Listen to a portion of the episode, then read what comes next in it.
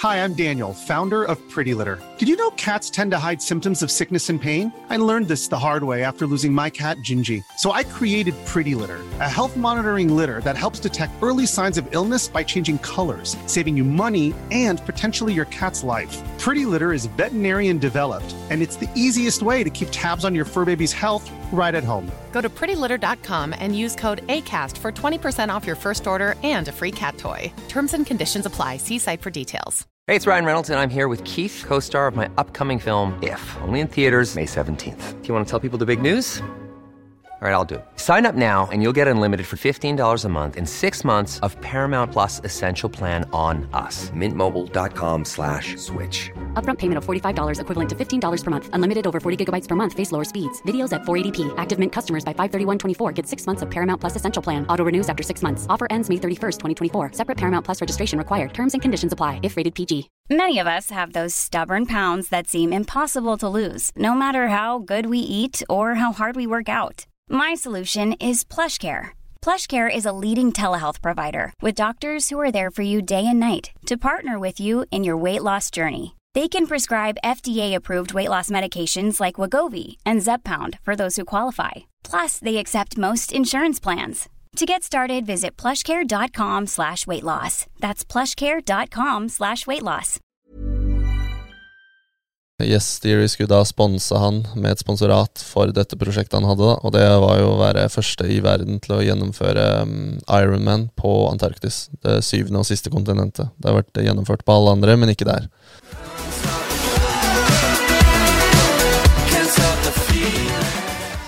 Herman Berger, velkommen til Impressions. Takk skal du ha. takk skal du ha. her er jo eh, Du er jo eh, det vi vil eh, eh, dis- beskrive som drømmegjesten. Høyt kompetent, uh, relativt kjekk. Kanskje den nest raskeste vi har hatt der, etter Leif på ski. Ja, jeg skal ikke krangle på den. Eller tror du at Leif er Tror du at du er raskere enn Leif? Nei, aldeles ikke. Nei. Uh, Herman, du uh, Vi hadde jo privilegiet av å ha deg uh, som kollega her i fire år i Reinhardsen Media, og nå har du gått videre, dessverre, til, Til Red Bull. til Red Bull. Ja. Ja. Et lite steg ned, men sånn er livet. Eh, når du jobba her sammen med oss, så gjorde vi jo veldig mye forskjellig. Vi gjorde jo eh, vlogging. Det var jo kanskje det første vi holdt på med. Begynte å vlogge, eh, noe jeg setter stor pris på. Hva vil du si er det feteste vi har gjort sammen de fire årene du jobber her? Eh, ikke vlogging, i hvert fall. ja, det var nok en av de turene vi eh, var på første halvåret. Um, jeg har ikke noe sånn umiddelbart en som skiller seg ut, men jeg tipper nok kanskje Brasil var jo fett når vi var i Rio. Um, USA når vi var en liten minitour med Matoma var jo også dritgøy. Da føler man seg litt kul, holdt jeg på å si. Men, eh, Det er viktig, det. ja, jeg, jeg tror nok det i starten, men da var det, det blir jo Det gir jo litt mening også når man er reiser og får opplevd verden og Ja. um, lever litt den uh, Jon Olsson-lifestyle. Ja, On a budget. On a budget. Ja. Ja. Det er viktig at noen gjør det også. ja. Eh, Du, du vil i hovedsak eh, definere deg som en eh, videograf eller, eller fotograf, eller hva vil du si at du er?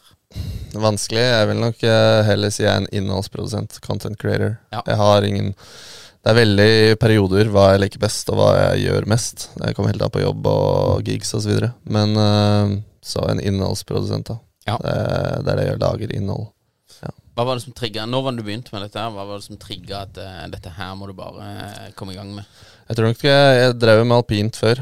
Uh, og så, når jeg ga meg med det, så solgte jeg alt skiutstyret, kjøpte et kamera og begynte å studere finans. Tro det eller ei. Eh, og så um, var det jo ikke noe på BI, så var det ikke noe obligatorisk oppmøte. Så jeg reiste jo en del. Um, dro til Island, rundt omkring i verden, USA, dro en tur.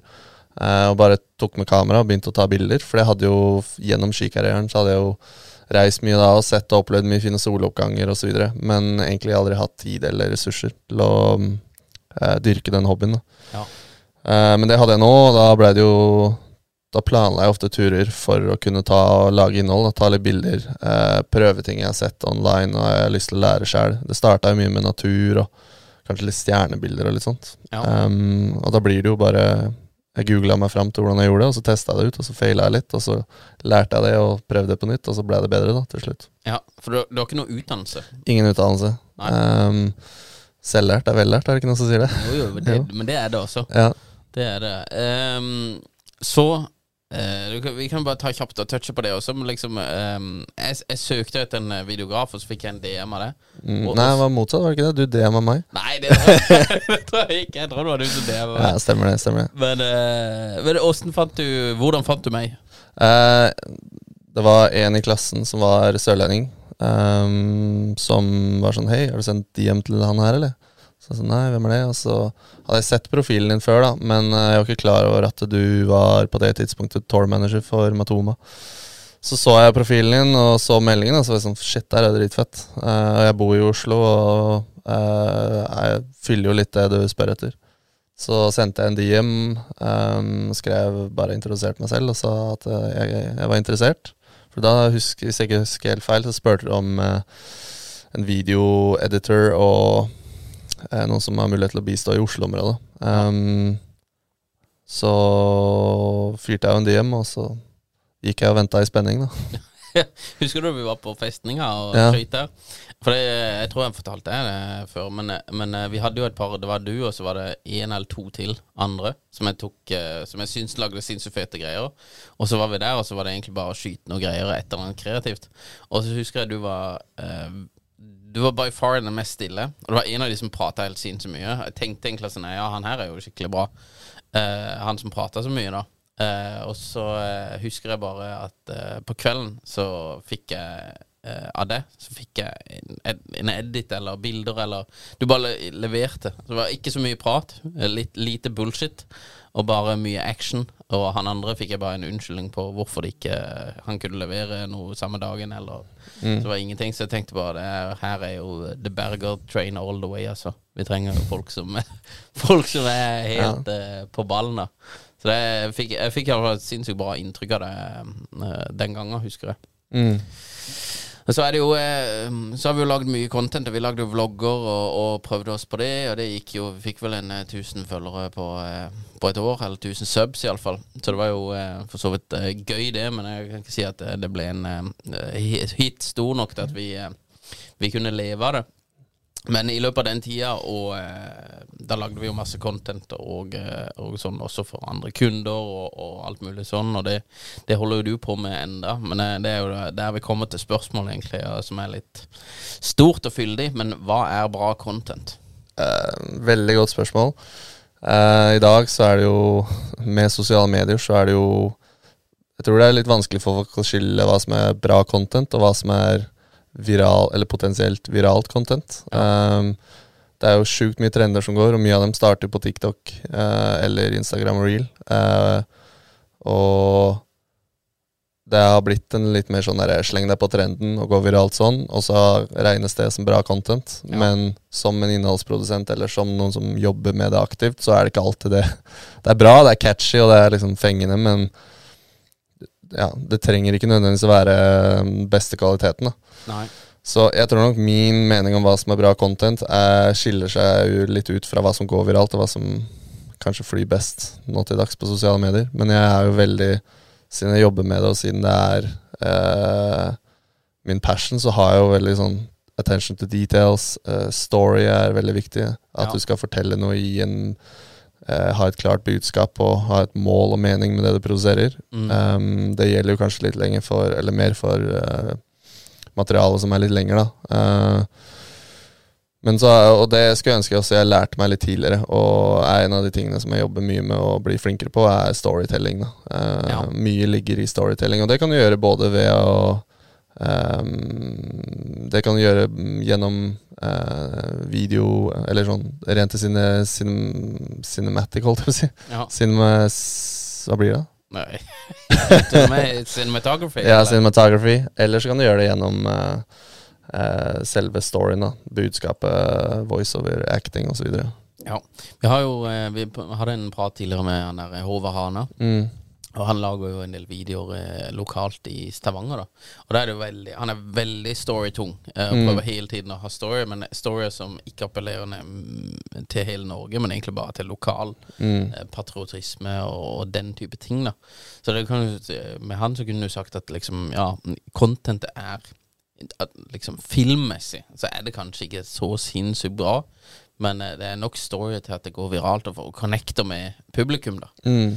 Og det er jo litt sånn der eh, Hva er eh, riktig vei å gå, liksom? For det er jo, det er jo eh, eh, Jeg ville kanskje tenke at du ser på innhold på sosiale medier, og så er det noe innhold du ser som du tenker at eh, dette her er så høy kvalitet at det fortjener mer eh, oppmerksomhet, men folk connecter ikke med det på den måten, eller jeg vet ikke, at kanskje det er teknisk sett ekstremt bra saker, mens eh, at det ikke går viralt eller noe sånt der. Ja.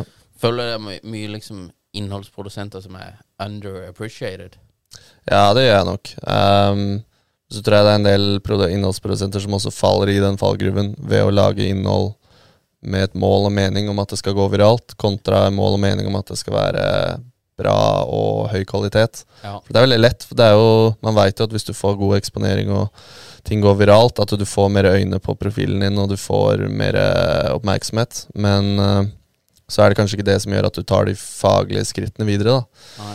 så det er det er en vanskelig greie. Jeg merker sjøl at jeg falt i det litt ofte ved at jeg eh, prøver noe som jeg mener selv har veldig høy kvalitet og gir en verdi. Så Mm. tanker det helt på sosiale medier, og så blir jeg sånn Shit, det her var jo helt skivbom, og så prøver jeg på noe enkeltpiss, og så går, det, så går det bra. Ja. Og da blir jeg litt sånn derre Ja. Um, hva er riktig å gjøre, da? Eh, så det stammer jo litt tilbake til hvor er det du vil hen.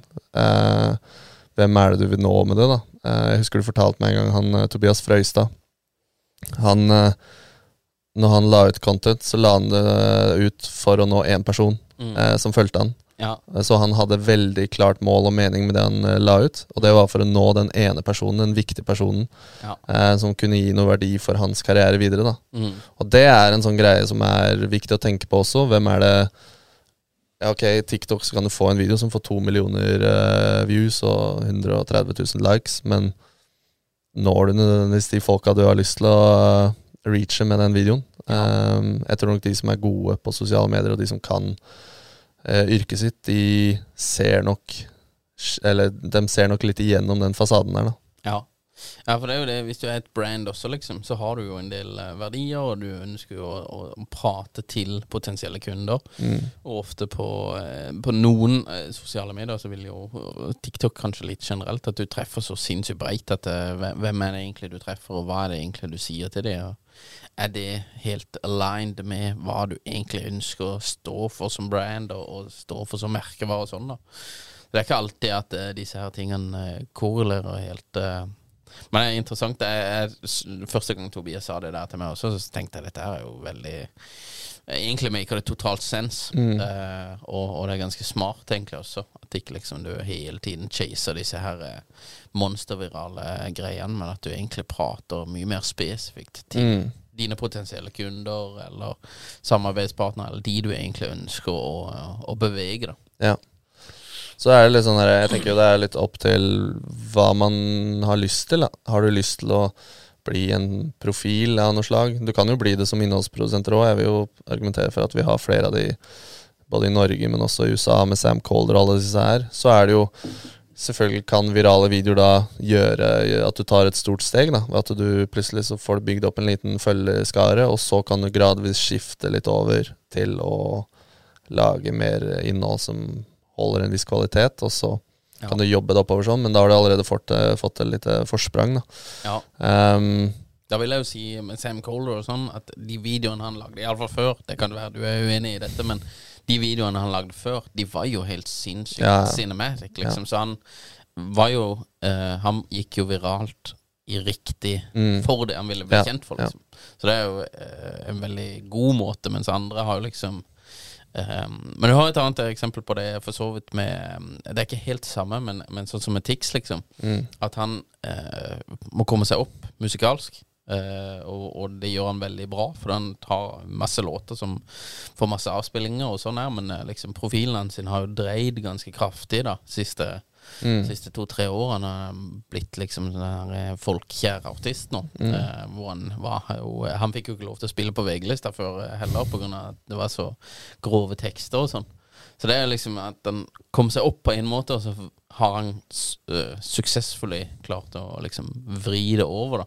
Men jeg, jeg, tror, jeg tror ikke det egentlig Den strategien der er for uh, alle. Nei, det er ikke det. Helt klart. Jeg tror uh, Colder-strategien er bedre. Og så tror jeg det er Hvis man ser på sosiale medier nå, så har det jo skjedd helt sinnssykt mye. Siden uh, Sam Calder-æraen og frem til nå, da. Ja, ja. Um, og det Ja, jeg tror det Det er jo både bra i og for seg, men også at det um, endringene fra år til år òg er mye større. Uh, så det å klare å adapt to change og um, henge med er jo selvfølgelig også viktig. da Ja. Hva tenker du om dette her, liksom at du eh, For du, er, du har jo en god del tusen følgere på Instagram, og det har du bygd deg opp over en viss tid. Eh, og så er det liksom Så kommer TikTok egentlig er litt eh, det nye, eller hva du skal kalle det. Tror du mange på vår alder Nå, nå bolker jeg oss sammen på samme alderstrinn her, eh, vi gamlingene. Men tror du vi blir, biter oss litt fast på Instagram pga. at eh, det er der vi har lagt ned mye ekstremt mye tid og effort?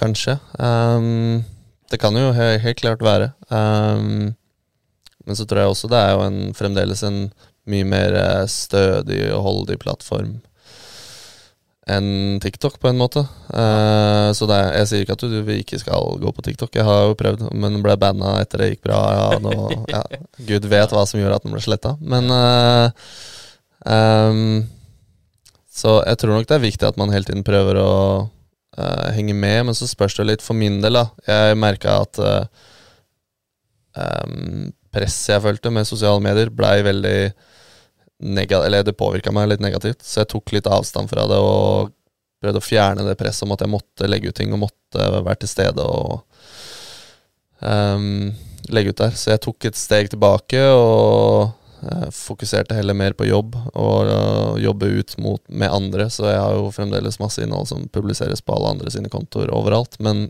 har ikke vært så fokusert på min egen kanal. Det har ikke vært Jeg fant ut at det var ikke nødvendigvis så viktig for dit jeg vil, og det jeg har lyst til. da Ja. Eh, og så gjorde det ikke meg eh, ja, Jeg vil ikke si jeg ble mer lykkelig av, av, eh, av det. Eh, så Men som sagt, jeg bruker mye tid på sosiale medier, og det er jo mye for å henge med, men også se, se etter inspirasjon og Ja. se etter hva som flyr, og hva som ikke flyr, og tenner osv. Du eh, kom i kontakt med Yes Theory. Og eh, du endte enden på visa der var at du var med på eh, noe som heter Project Iceman. Eh, Åssen i alle kom du i kontakt med Yes Theory? Eh, det skylder jeg den ene kollegaen din, Kristoffer Bø, for. De la vel ut i desember Nei, oktober 2019 så la de ut en story hvor de hadde behov for en filmer fra enten Tyskland eller Norge. Um, jeg hadde ikke sett denne storyen, men kom på jobb dagen etter og fikk spørsmål om jeg hadde sendt dem DM. da Så gikk jeg inn og så, og da uh, fyrte jeg en DM i siste time, holdt jeg på å si. Um, hvor jeg fikk uh, respons fra Mar, da, han er en av de tre. Um, og han lurte litt på hvordan utstyr jeg brukte, og om jeg hadde mulighet uh, til å bli med dem på en tur i helgen. da um, Og det sa jeg selvfølgelig ja til. Det var jo en, Jeg har jo fulgt disse gutta siden de starta. De er jo De har veldig mye av den um, innholdet som jeg selv trives med å følge med på, så de har alltid vært liksom forbilder og store, store innenfor YouTube spesielt. da Um, så ble jeg med opp til Tromsø med de, og hjalp de å filme en episode der. Uh, mens jeg var i Tromsø, så jeg kunne ikke Andreas Hem være med dem videre til København for å filme en episode. Typisk han. Ja, typisk hem. Eh, så derfor fikk jeg um, eh, tilbud om jeg kunne hjelpe dem der òg, da. Eh, og i København så møtte vi han Anders, uh, Anders Hoffmann, som var uh, han jeg endte opp med å reise til Antarktis med. Uh, yes Theory skulle da sponse han med et sponsorat for dette prosjektet han hadde. da Og det var jo å være første i verden til å gjennomføre um, Ironman på Antarktis. Det syvende og siste kontinentet. Det har vært gjennomført på alle andre, men ikke der. Og det sier jo seg sjæl kanskje hvorfor det ikke har vært gjennomført der. Ja, Men de gutta Yes Theory digga sånn eh, den driven og den ideen og den igeren han hadde, da. Så de hadde veldig lyst til å støtte det prosjektet. Mm. Um, så ble jeg litt kjent med Anders der. Uh, så fikk jeg en melding fra han eh, rett rundt juletider, og hvor han lurte på om jeg hadde mulighet til å bli med på som en del av dokumentarteamet uh, til Antarktis. Han uh, mangla en uh, i teamet sitt. Um, så blei det mye frem og tilbake. Det er ikke akkurat så lett å dra en og en halv måned vekk fra jeg jobba jo her på den tiden. Ehm, men så klarte vi å finne en løsning på det, hvor det gikk. Uh, og da var det jo egentlig bare å slenge seg rundt. Uh, hoppe på den uh, ekspedisjonen der. Ja. For det er ganske langt å reise. Det er vel nesten ikke noe sted du kan Nei, reise til som tar lengre tid fra Norge. Nei, jeg tror ikke det. Uh, jeg tror det er det stedet på jorda det er kanskje mest unikt å komme seg til også. Ehm, så vi fløy da til Argentina eh, og seilte fra Argentina eh, over til Antarktis. Det var jo en seiltur på en fem-seks dager. Kom litt an på vær og forhold. Ja. Eh, så ganske brutal eh, greie. Og spesielt da med null seilerfaring og skulle da krysse Drake Passage, som det heter, da, som er eh, det farligste havet på kloden. Eh, men det var jo Ja, det ble en helt sinnssykt fet opplevelse og en ganske stor og bratt læringskurve for å skulle ta del i et produksjonsteam eh, for første gang, men også for første gang på Antarktis i et klima og et miljø som er veldig brutalt. da. Ja. Um, Hey, I'm Ryan Reynolds. Recently, I asked Mint Mobile's legal team if big wireless companies are allowed to raise prices due to inflation. They said yes. And then when I asked if raising prices technically violates those onerous two year contracts, they said, What the f are you talking about, you insane Hollywood ass? F- So to recap, we're cutting the price of Mint Unlimited from $30 a month to just $15 a month. Give it a try at mintmobile.com slash switch. $45 upfront for three months plus taxes and fees. Promo rate for new customers for limited time. Unlimited more than 40 gigabytes per month. Slows. Full terms at mintmobile.com. Hi, I'm Daniel, founder of Pretty Litter. Cats and cat owners deserve better than any old fashioned litter. That's why I teamed up with scientists and veterinarians to create Pretty Litter. Its innovative crystal formula has superior odor control and weighs up to 80% less than clay litter. Pretty Litter even monitors health by changing colors to help detect early signs of potential illness. It's the world's smartest kitty litter. Go to prettylitter.com and use code ACAST for 20% off your first order and a free cat toy. Terms and conditions apply. See site for details. så det, men ja, det var Ja, for Det må jo være litt interessant bare med det ka kamerautstyret og sånn. Åssen opererer de der nede? Det er dritkaldt. Ja, eh, så når vi var der, var jo i februar, og det var sen sommer, for det er jo motsatt. Så det var litt sånn norsk vintertyp. Eh, kunne variere fra 10 plussgrader til eh, 10-15 minus. Eh, men det var jo helt klart eh, Antarktis er jo så isolert, så det å vi, vi planla jo veldig nøye på forhånd hvordan vi skulle gjøre det produksjonsmessig. Og det var å kjøpe inn nok eh, batterier. Eh, for det å lade ting på båten Vi seilte jo og bodde store deler av tiden på båten.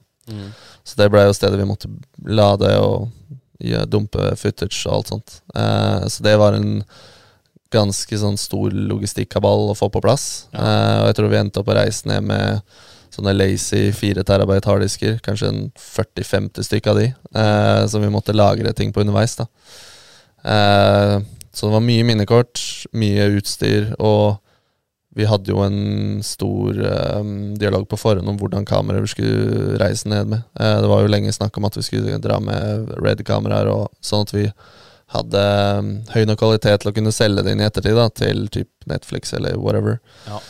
Men pga. forholdene så endte vi med å ta steget ned til uh, den high-end DSLR-kameraer som var værrobuste og tålte å filme i de miljøene som vi skulle være i. Ja. Uh, så vi hadde da tre Canon Index og to uh, Panasonic og fem var det vel vi hadde med. Mm. Pluss masse droner og diverse, da. Ja. Men det var jo ja, et sinnssykt opplegg, for å si det sånn. Ja, jeg ser den. Eh, eh, Det ene er jo klart Klarte han? Klart han det? Eh, det kan jeg ikke svare på, men eh, den eh, dokumentaren er jo veldig nærme nå. Vi har jo eh, sammen med Yes Theory, så har den jo eh, lansert, holdt jeg på å si, eh, prosjektet og dokumentar via en NFT-kolleksjon, da. Um, så istedenfor å drive direkte crowdfunding, så har vi ønsket å gjøre noe mer innovativt og nytenkende med det. Så vi solgte jo en del NFT-er eh, som var premierebilletter og eierskap i filmen, for å hjelpe til å funde filmen. For i utgangspunktet så solgte vi den for rundt to millioner dollar eh, til en streamingtjeneste. Eh, hvor vi etter et par uker hoppa ut av dealen fordi vi følte ikke at de hadde samme ambisjoner og samme retning med dokumentaren som vi selv ønsket. Um, så last minute der så ble det hoppe ut av den dealen, eh, noe som jeg var litt sånn skeptisk til, for det var jo en av de største streamingtjenestene i verden. Ja, Um, du kan ikke si hva det er. Nei, jeg kan ikke ikke si det. Det var litt legal issues og sånt. Men ja. Uh, uh, ja, så den driver vi nå sjæl med, og har et produksjonsteam som heter Burning Boat, som klipper den. Mm. Så vi har vært og filma de siste pickup-intervjuer og uh, alt som mangler nå. Så nå er den i postproduksjon, kommet et stykke, og håper på premiere typ september-oktober. Ja, Nå i høst. Ja, nå i høst. Kult. Så det, det blir fett. Og da får, eh, da får alle se også hvordan det- det går. Jeg tror nok eh, Det går nok, eller hele greiene er mye sjukere enn det folk eh, kanskje ser for seg. For det, det skjedde ganske mye intenst der nede. Ja. Var, det vanskelig å få eh, For jeg brant bare kjapt med Leif om det også. Dette her med ski og sånn der. Av og til så er det fremdeles liksom Og det er jo tilbake til Top Gun, og så eh, prater vi akkurat om Top Hvis dere ikke har sett Top Gun Top Gun er en helt sinnssyk film, den må dere se.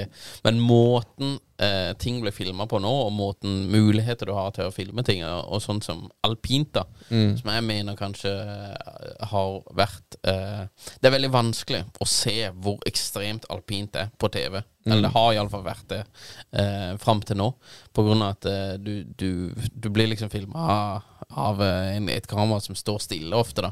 Og så kjører du nedover, og så ser du det. Men eh, hvis du har liksom hadde sett fra skjermen, da, eller fra hjelmen, åssen det ser ut, så ser det jo helt sinnssykt ut. Jeg har bare kjørt selv av og til på Geilo, og det går Det går jo ikke fort, men du føler jo at det går dritfort, liksom. Bare Og så vet du at noen kjører tre ganger så fort som det. Eh, long story short, holdt jeg på å si, men, men eh, følte dere at dere klarte på Antarktis å eh, få fanga hvor ekstremt det egentlig var, det han holdt på med? Både ja og nei. Um, jeg tror den største utfordringen vi hadde, var jo ingen av oss hadde noe voldsom erfaring. Vi var fire i produksjonsteamet, eller i filmfotocrew, da. Um, hvor vi hadde han med mest erfaring, var en som heter Corey Martin, som jobba i Beautiful Destinations eh, par år. Eh, og han blei jo litt sånn produsent, uh, eller director, med på turen, da. Uh, men utover det så kom vi alle litt fra å jobbe mer med mindre minidokus og sosiale medier. da Så det, jeg var jo merka at jeg var veldig innstilt på å få liksom, spektakulære shots, og tenkte jo veldig i banen av bangers og det greiene her. Men så er når du dokumenterer, eller skal lage en dokumentar, da, så var det jo Måtte fokusere mye mer på storyen, eh, og dokumentere ting kontra stage ting, kanskje. Um, men vi hadde jo vi hadde med to FPV-droner, eh, som for øvrig begge eh, krasja. Ja. gikk dunder. Så hadde vi med fire andre droner, som også et par av de vi eh, gikk i grusen. Eh, eh, men utover det så blei det jo prøve å gjøre det beste av situasjonen. Eh, vi, mye av eh, filmen er også filma med en iPhone, fordi forholdene var bare så ekstreme til tider, og det var det vi hadde av resources med oss. Ja. Men i, på en måte så forteller jo det en historie i seg selv, det også. Mm. Eh, som underbygger litt den situasjonen vi var i, og eh, de forholdene som var der. da. Um, jeg har noen bilder av utstyret etter, når vi var ferdig med eh, forsøket. da. Eh, og det så helt sinnssykt ut. Ja. Det var eh, Jeg tror folk hadde fått helt noia om de hadde sett kamerautstyr så slitsomt. Så Men eh, så jeg vil si det var liksom Selvfølgelig kunne jeg tenke meg at vi klarte å dokumentere ting enda mer cinematic og uh, high end, men samtidig så eh, var det ikke nødvendigvis det som var helt målet med å dokumentere der heller. Jeg ser den. Eh, jo, vi jobba jo sammen i fire år, og i løpet av den tida så jobba vi jo med en del forskjellige uh, kjente personer. Uh, kanskje en av de uh, vi, Du jobba to, to år med MC, eller Magnus Carlsen, og, og lå litt på han og, og lagde content for sosiale medier for han. Hva vil du si er liksom tips, eller hva, hva vil du si at du har tatt med deg fra dette her med å jobbe med mer kjente personer? Um, Nei, jeg tror jeg har hatt en stor fordel ved at jeg har vært litt Jeg er jo en in litt mer introvert person. eh, litt mer stille og uh, føler meg litt mer frem. Uh, og det tror jeg har vært veldig viktig når jeg har jobba med mye eh, utøvere og kjente mennesker. Um, for det handler jo om at man må skape en tillit til disse menneskene. Man må jo ofte dem, Så får jo de mennesker som hele tiden vil enten ha noe av dem, eller vil ta bilder, eller være superfans av de. Mm. Så det å klare å ta et steg tilbake og jobbe med dem som mennesker, men også skape tillit. Eh, for det er jo det du vil i bunn og grunn, er å få en tillit til dem, sånn at de stoler på deg, og at de føler seg trygge rundt deg. Eh, og det er ekstremt viktig, og det, det varierer veldig ofte fra person til person hvor lang tid det tar. Eh, Magnus er jo Han tok det kanskje litt lengre tid med enn veldig mange andre jeg har jobba med, men samtidig så må man jo ta den tida det trenger, eh, ofte. Um, å være ydmyk og ha respekt for deres liv også. Eh, selvfølgelig har du en jobb, og du får en bestilling gjerne ofte fra en kunde eller hvem det er, men det, å, eh, det er veldig viktig å ivareta respekten for de personene som du er med. Da. Um, at man ikke krysser deres grenser. Ja. For det er jo, det er jo mange eh, unge fotografer som er up and coming og liksom eh, må på en måte make a name for eh, og sånn, da. Hva, hva vil du eh, Ser du mye ting som du eh, vil tenke at du ikke ville gjort, eller eh, Ja, men der er man jo alle forskjellige, da. Og det er flere veier til suksess, holdt jeg på å si. Men eh, jeg har en veldig sånn For meg så tror jeg at det er viktig å være, holde deg i din lane. Um, samtidig, du skal være på, du skal gå den ekstra milen, men det er viktig å være en ydmyk person. Uh, så tror jeg det er viktig å ha litt tålmodighet også. Det er veldig mange som med en gang har lyst til å jobbe med de største og de beste. Med, jobba, tatt foto i seks måneder, har lyst til å liksom dra på tour med Chainsmokers eller hvem enn det skal være, og har en kanskje ambisjon om å gjøre det. Så tror jeg det er viktig at man må ta et steg tilbake og innse at det, det tar litt tid å bygge seg opp relasjoner, nettverk, eh, skills, erfaringer eh, til å komme dit. Og det er veldig mange andre fotografer som gjerne jobber med disse allerede, som har jobba i mange, mange år for å komme dit, der hvor de er i dag. Um, og det har jo vært Jeg kjenner jo en del fotografer i Norge og har hørt om en del litt cowboyhistorier hvor folk kjører over hverandre da, for å komme dit de har lyst til å komme. Og det ja, jeg er ikke helt, eh, det er ikke helt min eh, vibe, eller min stil, så derfor er jeg sånn Jeg har alltid prøvd å fokusere på det jeg gjør, og det jeg kan gjøre noe bedre med. Eh, og så har det jo leda meg hit hvor jeg er i dag, holdt jeg på å si. Ja. Vi har jo Det er jo eh, eh, Når vi var på tour og sånn også etter hvert, så, så husker jeg jo det, spesielt i Norge, da. Men eh, det virker jo av og til på noen av disse her festivalene rundt forbi som eh, folk bare eh, delte ut disse her fotopassene. Mm. For det var jo noen festivaler, Og det var 15 fotografer på scenen, liksom, som bare lurte på hvor alle disse her kom fra. Og du ser jo nesten aldri noe til, til contentet etterpå heller. Så bare, hvem, er det, hvem er det disse her skyter for, og, og, og ha kontroll på, på det? og ja, jeg tror mange har liksom uh, sett det som en liten denne, her opportunity bare til å komme seg i gang hvis du har et lite kamera og kjøre på, da. Ja. Og så har du jo en del som er genuint interessert i foto og, og innhold, da, og prøver å det er fort gjort fordi at de kan drukne litt. Og der er det jo også dette med å være Hvis du er veldig ekstrovert, da, så har du eh, av og til mulighet til å bare kjøre over andre eller pushe deg fram og sånn, da. Mm. Men eh, har du noe har du noen tips til unge fotografer som er introverte, mer Ja. enn det du sa nå? Du sa jo litt. Ja, um, festival, det er jo, festival er jo gjerne et sted hvor mange up and coming kommer igjennom, da. Um, og det er jo fordi det er gøy, det er gøy å skyte, og det du sier med at det, er, det swarmer med kids der ute som er, har skaffa seg fotopass, og da er det jo litt den der at du sender Du tar disse bildene, og så sender du det direkte til manager eller artisten eller hva enn det skal være, og så jobber de seg oppover sånn, men jeg tror også um, det er jo en veldig grei Det er veldig mange som starter der og jobber seg gjennom. Så det er viktig at vi fokuserer på seg selv. Uh, jeg tenker i bunn og grunn at hvis du er et sted å ta bilder, uh, sammen, og det er flere rundt deg som også tar bilder, men du, du er trygg på dine skills og dine ferdigheter, så vil du jo stå igjen med det beste bildet uansett. Så prøv å ikke Um, ikke bry deg så mye om hva andre gjør. Uh, tenk heller selv hvor du har lyst til å bli flinkere, og jobbe med det. Ja. Ja, og ikke være redd for å utforske nye områder. Jeg, jeg gjør som sagt både film og bilder, og det er veldig mange som sier at det mener at det kanskje ikke er så lurt, for at du, du blir bare en sånn um, mellomting. Du blir ikke spesialist i enten det ene eller andre. Men jeg har merka veldig at det det benefitter det ene eller det andre ved at jeg gjør foto, så blir jeg litt flinkere i film, og via versa, da. Uh, så jeg tror på at uh, utforsk flere forskjellige sjangre, uh, miljøer, settinger, lysforhold um, osv., så, så vil du jo bli bedre som en allround fotograf eller filmer, da. Ja. Nei, det er jo Simon, kan du dra opp det uttrykket 'A jack of all trades is a master of none'?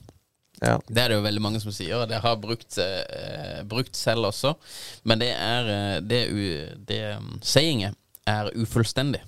Så det sier egentlig ganske mye mer uh, enn det, og det sier egentlig at eh, hvis du ikke prøver Ja, nå skal jeg ikke butche det hvis han får det opp her. Uh, the so-called jack of all trade is a master of none, but oftentimes better than a master of one.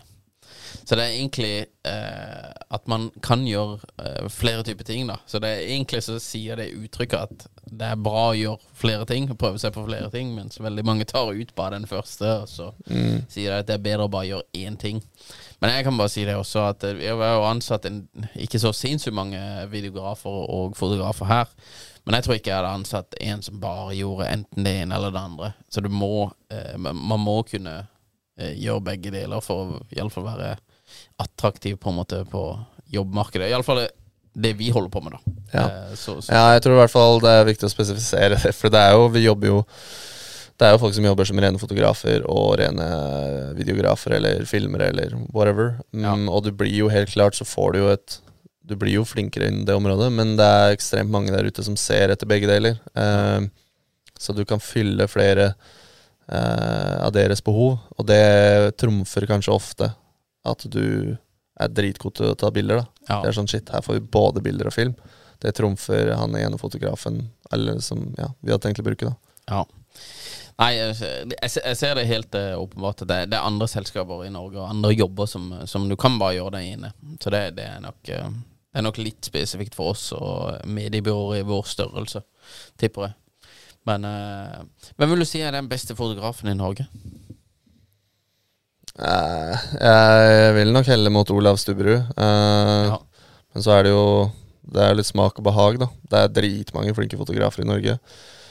Uh, veldig mange av de som jeg har, eller som typisk omfavner mitt miljø, er jo Jobber jo veldig mye i den festivalsjangeren og sånt, men det som gjør at Olav skiller seg ut for min del, er at han har en viss art og finesse ved det han, produktene sine, som jeg syns er helt unik. Um, ja. Så har du jo ja, veldig mange flere som er dyktige også. Ja. Så den lista kan være lang, men bare for å nevne én, så tror jeg jeg vil nok helt mot Olav. Ja. Hvem vil du si er den beste videografen i Norge? Eh, nei, det er jo vanskelig å lede unna Hem, da. Men uh, um, der igjen, veldig mange dyktige som holder på.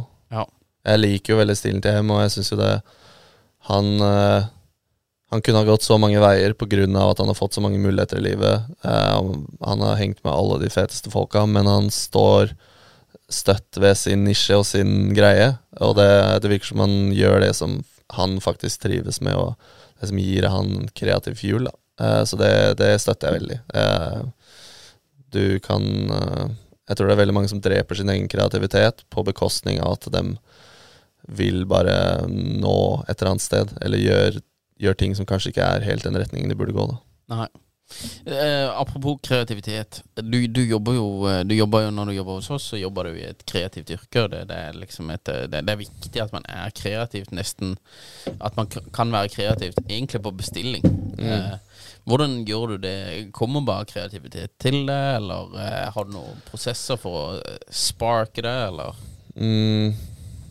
Jeg har ikke noen sånn umiddelbare teknikker, men jeg, for min del så var jo fotofilm en hobby som jeg etter mye om og men gjorde om til uh, arbeid. Um, og det var jeg veldig nervøs for, uh, for frykt for at jeg skulle miste det som en hobby. Ja. Uh, og det opplevde jeg at skjedde litt òg, når man hele tiden jobber med det, og du jobber med det i settinger som kanskje ikke gir deg noe gnist, da. Mm. Uh, så vil jo da interessen for det falle med litt. Og da når du kommer tilbake til fritiden din og ikke har den hobbyen å gå til lenger, så vil kreativiteten også på en måte dø ut litt, da. Ja. Så for meg så var det viktig å uh, finne andre ting uh, som gir meg litt glede, og som gir meg energi. Uh, som introvert så er jeg jo litt sånn Jeg trenger mye hvile, jeg trenger å være litt alene fra mennesker, men finn ting som gir deg eh, energi og krefter, og når man sliter kreativt, så faller jeg veldig ofte tilbake på rene faglige ting innenfor foto og film. Så så jeg skal produsere en eller annen greie nå, en film, en minidokumentar, men jeg står helt blankt på hva storyen og mål og mening skal være. Så tar jeg gjerne et steg tilbake og tenker mer eh, Ta faglig skritt. da, Hvordan bygge opp en dokumentar fra A til Å. Eh, hva er gode storylines? liksom? Skal det handle om familie? Skal det handle om karriere? Skal det handle om ditten eller datten?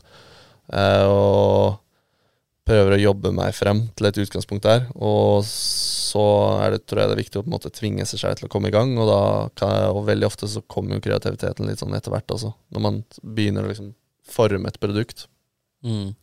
så ser man kanskje litt nye retninger underveis, da. Eh, kreative retninger. Og da, da har man kommet i gang, i hvert fall. For hvis man sitter og venter på kreativiteten, så kan det ofte bare aldri komme. Ja. Nei, for det er jo Jeg bare, jeg bare husker litt grann jeg, jeg har ikke sånn eh, Jeg gjør, jeg gjør ikke helt det samme, selv om jeg jobber i litt kreative yrker. Men jeg husker bare når vi var i studiosessions av og til med Tom, og i studiosession med mange andre, så var liksom Da ble det bare lagt en bit, og så ble det liksom bare begynt å pælme ut uh, ideer, da. Mm. og, og på en måte eh, Man kickstarta nesten kreativiteten på den måten. At man bare begynte, og så var ofte det første som kom, var jo ofte ikke helt der. Og så eh, varma det nesten opp, da, eh, på en måte til eh, å begynne å treffe der man ønska å være, da. Så det er jo en eh, det er en litt interessant eh, prosess hvordan folk, eh, hvordan folk sparker kreativiteten sin på forskjellige måter. For det er jo noen som sitter bare og venter på det. Ja, og det Ja, det kan jo være det funker for mange, men i de fleste jobber så har man jo ofte en deadline, og man har jo Man er jo nødt til å Ting må jo skje. Ja. Um, så jeg tror det er viktig å finne den ene tingen. Jeg har brukt musikk mye. Jeg er veldig glad i musikk, og jeg bruker ofte musikk i uh, mye av innholdet jeg produserer også. Um, så musikk har vært en stor sånn kreativ kilde, hvor jeg da finner um, ja, om det er en stemning eller en situasjon eller hva enn det er. da Eh, Og det Ja. trenger ikke nødvendigvis være noe jeg skal ta i bruk i uh, det jeg skal produsere, men at det, det leder meg litt inn på de riktige tankene eller de riktige ideene eller riktig moodet. da Ja. ja, for det er noe med det å sette stemninger. Det, det vet kona alt om, så det er bra, det. Eh, hva vil du si er det feteste bildet du har tatt? Eh, det må nok være fra Antarktis. Da tok jeg et dronebilde. Jeg hadde en idé, jeg hadde sett et bilde fra Island for et par år siden hvor eh, fotograf som heter Antoine Trusset, tror jeg, um, han hadde funnet en sånn liten, veldig lite jacuzzi-basseng oppå en is ja, en is, uh, flytende is, uh, isblokk, holdt jeg på å si. Så han hoppa oppi der med surfebrettet sitt og sitter liksom sånn derre winter jacuzzi eller noe sånt, med våtdrakt. da. Eh, så hadde jeg veldig lyst til å se om jeg fant noen lignende muligheter på Antarktis med han Anders. Eh, og nest siste dag så var vi og vi gikk et lite sånn, en liten sånn fjelltopp. Eh, og fra der så spotta jeg da en isfjell som fløyt med et sånt svært krystallklart basseng midt i. hvor jeg var sånn Shit, vi må få et dronebilde at du ligger i det bassenget. eh, flytende. Eh, så vi da snudde, heiv oss rundt og hoppa ut, så fikk tatt det bildet da, med drone. Så det Jeg tror nok det er en av de bildene som uh, jeg syns er fetest. Men så har jeg tatt mange andre kule bilder som jeg også liker, da. Men det, her er vel kanskje storyen og litt sånn unik, unikheten. Ja, Ligger det bildet på Instagrammen din? Ja, hvis ikke så kan uh, Ja. pulle det opp i podden. Jamie, pull that up. Nei, jeg trenger å pull it up nå. Nei, uh, hva, er fe hva er feteste videoen du har lagd? Uh, Godt spørsmål. Uh, jeg tror litt Nå har jeg blitt litt sånn Jeg har ikke blitt likegyldig til det jeg produserer, men før så var det Jeg sleit veldig med at man Jeg tok veldig mye eierskap personlig til det jeg produserte. Mm. Og når du jobber med kunder og folk, så får man jo feedback, og de har og ser kanskje ikke de visjonene du selv har. Mm. Så jeg sleit veldig med at det, det ble litt sånn personlig når de ikke likte videoen jeg produserte. Ja. Og det ble en sånn ting jeg måtte lære meg å ikke bli, da. Eller uh, Så jeg tok litt sånn Jeg tok ikke uh, personlighet, eller min personlighet i det, men jeg måtte lære meg å ikke eh, legge den samme sjela i det på en måte, hvis det, det høres jo helt feil ut. Men uh, Så nå, mye av det jeg produserer nå, går mye mer som en jobb. Ja, en kreativ greie og en kreativ uh, idé som har starta et sted, men så fort jeg er ferdig og med feedback og det ferdige produktet er klart, så er jeg liksom ferdig med det. Ja. Så jeg har ikke så mye uh, Jeg har produsert uh, lagd en nå som kommer eh, nå til helgen, faktisk. Den er jævlig fett. Så den, er litt sånn, den tror jeg kan bli kul. ja, det. Um, men ja. Ja. Nei, det er ikke så det, det er veldig interessant du sier det der, for det, vi, vi lager Jeg lager jo ikke filmer sånn, men jeg lager jo markedskampanjer og sender tilbud til kunder. Og før så jobba jeg i Stavanger Aftenblad. Og dette her når de sier nei, og du har liksom jobba på en idé og en, en kampanje og sånn der, og så bare nei, den liker vi ikke, eller den liker vi ikke. Det, det, det er av og til utfordrende å ikke tenke at det er personlig, for du tenker at de, nå liker ikke de det jeg har lagd, liksom. Nei. Jeg husker også han eh, produsenten av musikk, han også. Det er veldig Det er ekstremt personlig. Eh, og, og, eh, og liksom det er veldig viktig å få positive tilbakemeldinger. Eller det, det kan være leit å få negative tilbakemeldinger. Mm. Men jeg husker, jeg husker det i Stavanger Aftenblad, da, da, da var det jo salg, da. Men jeg husker Rikard Kjønhaug, sjefen min der, shout til Rikard Kjønhaug. Men eh, han sa det at det er jo ingenting, det er bare et numbers game, liksom. Og dette her, det, er ikke helt det samme som videoer, men, eh, men eh, da var det liksom hvor mange kunder er det du må prate med for å få et salg, da. Og så sa jeg nei, kanskje ti kunder eller noe sånt, så får jeg to møter, og så blir det ett salg av det. Og da sa han at det er liksom, du må bare huske det at de åtte som ikke vil ha møte med deg, de, det er ikke noen personlig, og den ene som ikke kjøper av det, det er heller ikke personlig. Så hvis du skal ha fire salg i løpet av en dag, så må du ha 40 kundekontakter. Da. Så du må bare You get, just gotta rev up the numbers, liksom, for, at, eh, for det er bare et numbers game, dette her. Og det er ikke noe, det er ikke noe personlig, og det som er at folk kommer ikke til å huske dette om en uke eller to uker, eller noe uansett, liksom. Så det er, det er bare ikke ta det personlig. Nei, altså når man er jo Kreativiteten er jo noe som gjerne er veldig personlig òg, da. Eh, så det å lære seg da eh, alt med feedback og sånt, at man ikke tar det personlig. eh, og håndtere konstruktiv kritikk. For det er, i bunn og grunn så er det jo kunden som eh, bestemmer hva de vil ha. Um, så da må man jo på en måte bare føye seg etter det, og så kan man jo alltids være uenig om at du, den forrige versjonen var bedre, eller din eh, opprinnelige idé var bedre, men de vil ha det de vil ha, så da må man bare Ja Det er litt sånn det ja. Det er litt sånn det.